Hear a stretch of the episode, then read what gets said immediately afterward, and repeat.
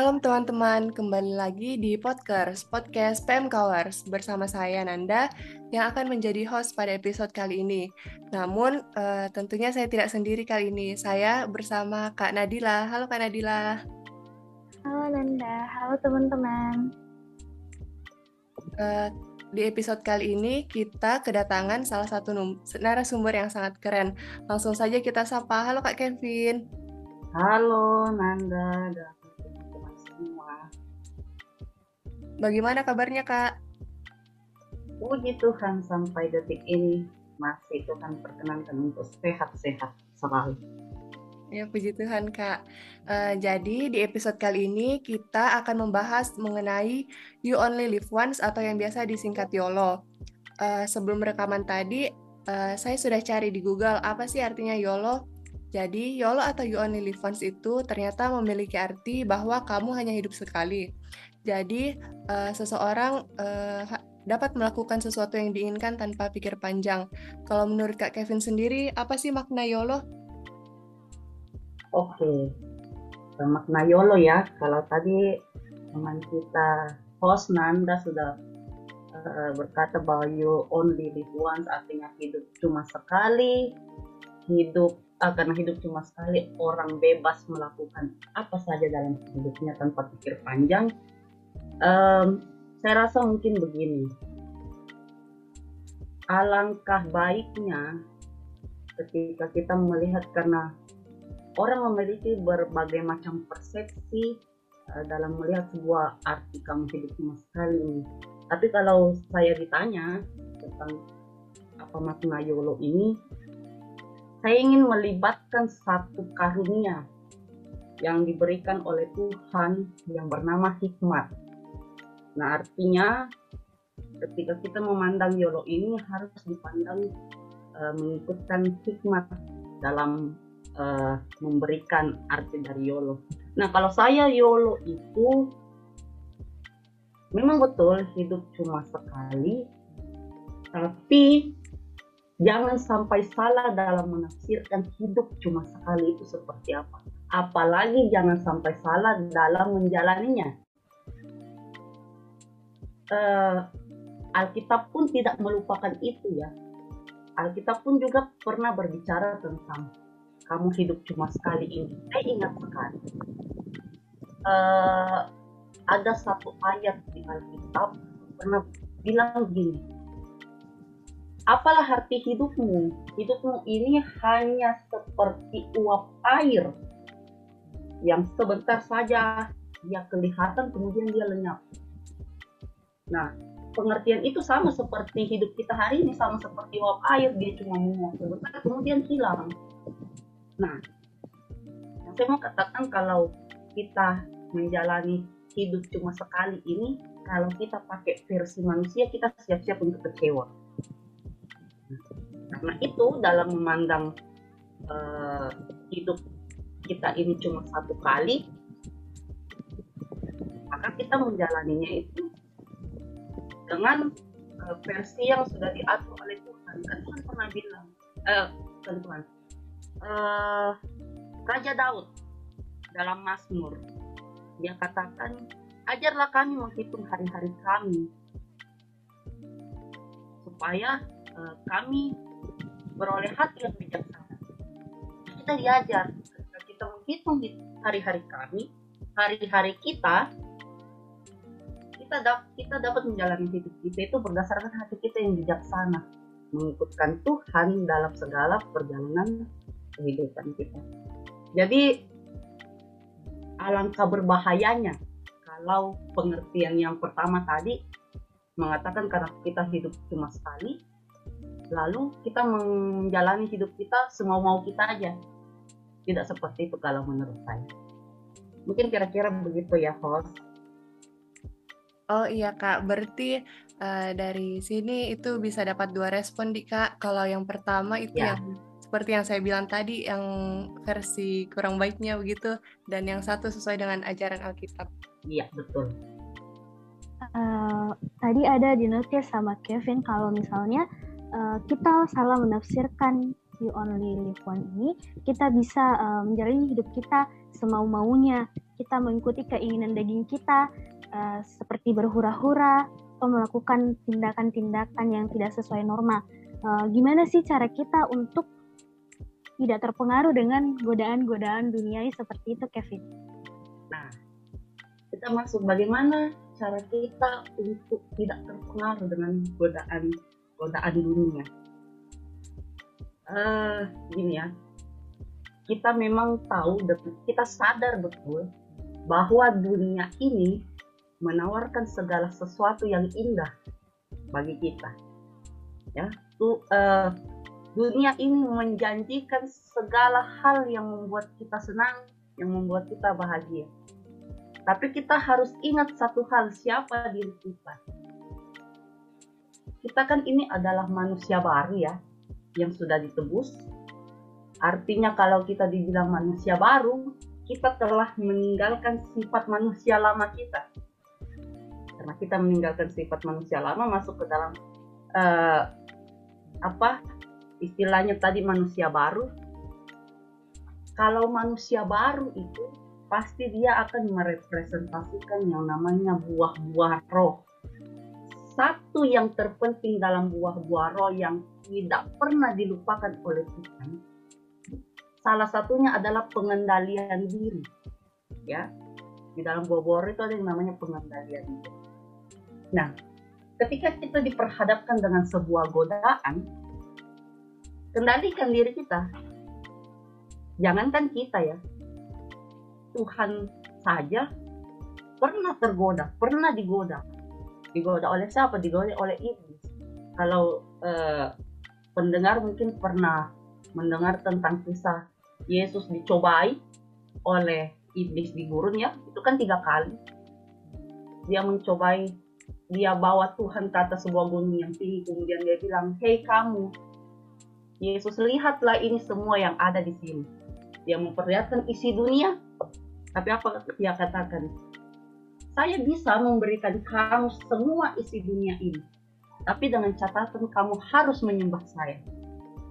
Apakah Tuhan di situ tergoda? Tidak sama sekali. Karena Tuhan katakan, hanya kepada Allah saja engkau harus berbakti. Jadi, ketika kita menghadapi sebuah godaan, sebenarnya itu bukan suatu kesalahan, yang menjadi kesalahan menurut saya adalah ketika kita melakukan atau menerima godaan itu. Kita pun menyadari ya diri kita itu manusia biasa, pasti tergoda. Tapi ketika kita melibatkan Tuhan, perkuat imanmu, maka engkau pasti akan dihindarkan dari godaan-godaan itu. Artinya garis besarnya cuma satu, perkuat imanmu kuat imannya itu saja. Oh oke okay, Kevin. Jadi intinya itu kayak kita sebagai manusia dalam jalan kehidupan itu harus kuat rasa iman kita kepada Tuhan. Uh, kemudian katanya Nanda mau nanya lagi nih Kevin. Iya betul. Uh, tadi kan Kak ada dibahas mengenai pengendalian diri. Uh, tapi kan ini kita sebagai anak muda itu rasa penasarannya itu sangat sangat sangat tinggi. eh, kadang-kadang kita kayak mau coba ini itu mumpung masih muda kayak coba merokok, minum-minum alkohol, dugem dan hal-hal lain. Boleh enggak sih kita coba sekali-sekali Kak? Kan uh, bi biasa ada orang bilang uh, kan nanti kalau kita mohon ampun ke Tuhan, minta maaf ke Tuhan, pasti Tuhan akan ampuni. Oke, uh, menarik tadi tuh yang uh, apa satu statement terakhir tadi kalau kita uh, kita boleh artinya kita boleh lah coba-coba. Nanti kan kita bisa uh, meminta pengampunan dari Tuhan. Tuhan kan maha pengampun. Tuhan kan pasti akan mengampuni segala kesalahan-kesalahan kita. Begini ya yang satu harus ditahu oleh semua anak muda begitu Tuhan itu tidak pernah membiarkan dirinya untuk dipermainkan ya. Jadi di hadapan Tuhan tidak pernah berkompromi dengan yang namanya dosa. Oke, itu satu. Tuhan tidak pernah berkompromi dengan dosa. Hanya satu yang perlu kita ingat begini. Bagaimana sikap ketika tawaran tawaran-tawaran dunia duniawi itu membuat rasa apa rasa penasaran kita semakin semakin tergugah untuk mencoba. Kita kembalikan saja pertanyaan itu lagi begini. Apakah yang yang kita penasarankan itu membuat apa membuat diri kita semakin maju atau bahkan malah semakin mundur atau kita bisa katakan apa yang kita penasarankan itu adalah sesuatu yang kita butuhkan atau tidak sebenarnya ya karena itu menurut saya kalau kan kita sebagai orang yang sebenarnya sudah bisa menimbang mana yang baik, mana yang salah. Dari situ kita sudah bisa melihat bahwa ah kayaknya ini uh, dapat membawa saya kepada sesuatu yang berbau-bau dosa. Oh, kayaknya ini kalau saya lakukan uh, baik deh adanya, tidak apa. Nah, jadi uh, apa namanya? melibatkan emosional kita melibatkan utamanya ya melibatkan Tuhan dalam segala hal ketika kita melihat sesuatu itu uh, kita mau coba atau tidak mungkin dari saya begitu sih oke okay, Kevin. Ada juga sedikit pertanyaanku. Kalau misalnya kayak perlakuan-perlakuan uh, seperti kayak mencoba merokok satu kali tapi nanti kayak berjanji buat berhenti menurutnya menurutmu bisa kah dibenarkan itu? Kayak dicoba sih tapi tidak di nggak tidak berniat dilanjutkan oke kalau ini tadi uh, apa namanya? Uh, framingnya kondisinya ya maksudnya uh, dalam hal merokok. Cuma pengen coba-coba gitu. Biasanya kan uh, kalau setahu saya ya setahu saya itu orang biasa uh, merokok itu orang uh, merokok itu karena dia melihat bahwa sesuatu itu sebuah hal yang keren ya melihat uh, melihat sesuatu itu sebuah hal yang keren yang kalau saya lakukan pun saya mungkin akan terlihat keren. Dan biasanya itu terpengaruh oleh lingkungan uh, pergaulan mereka. Per, uh, lingkungan pergaulan anak-anak. Sekarang kan gitu. Nah saya mau bilang begini. Uh, ada satu perkataan yang mengatakan bahwa uh, pergaulan yang buruk merusak kebiasaan yang baik pergaulan yang buruk merusak kebiasaan baik. Walaupun pasti saya saya akui betul bahwa pasti orang banyak yang tidak setuju tentang uh, apa yang saya katakan ini.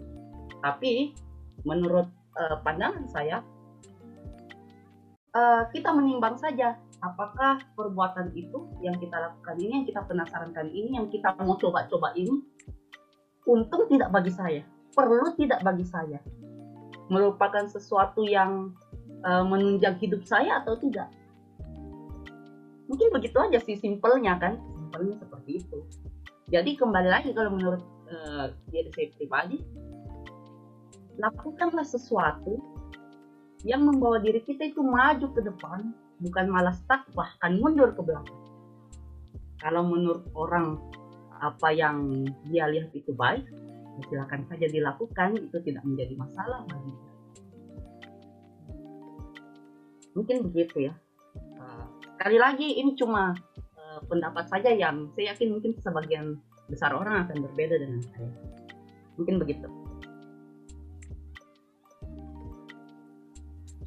Oke Kevin, terima kasih atas jawabannya.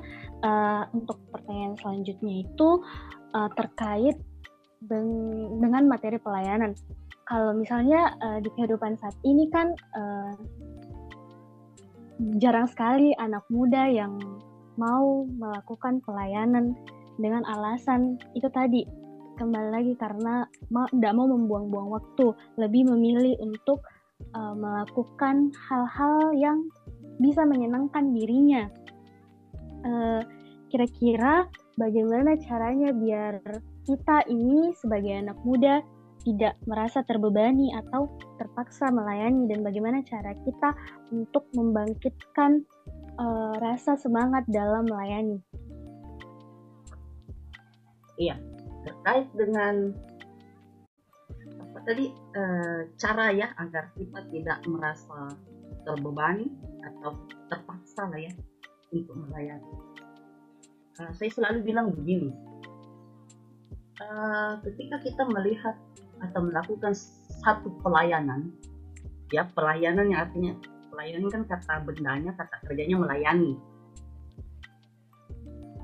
Kita menempatkan sudut pandang kita dari sebelah mana dulu?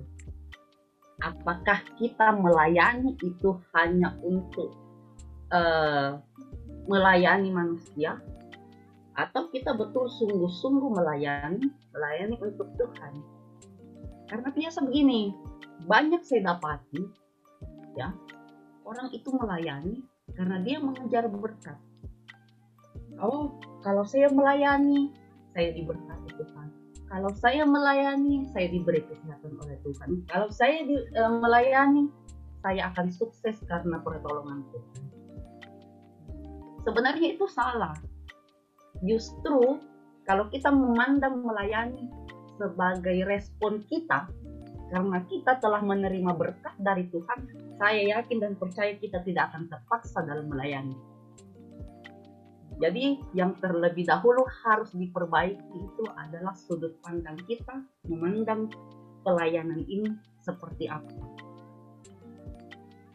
Kalau diri saya pribadi, saya melakukan pelayanan karena saya tahu Tuhan lebih dahulu melayani saya dan itu perkataan Tuhan sendiri, bukan bukan kamu yang mencari aku, tapi akulah yang mencari kamu.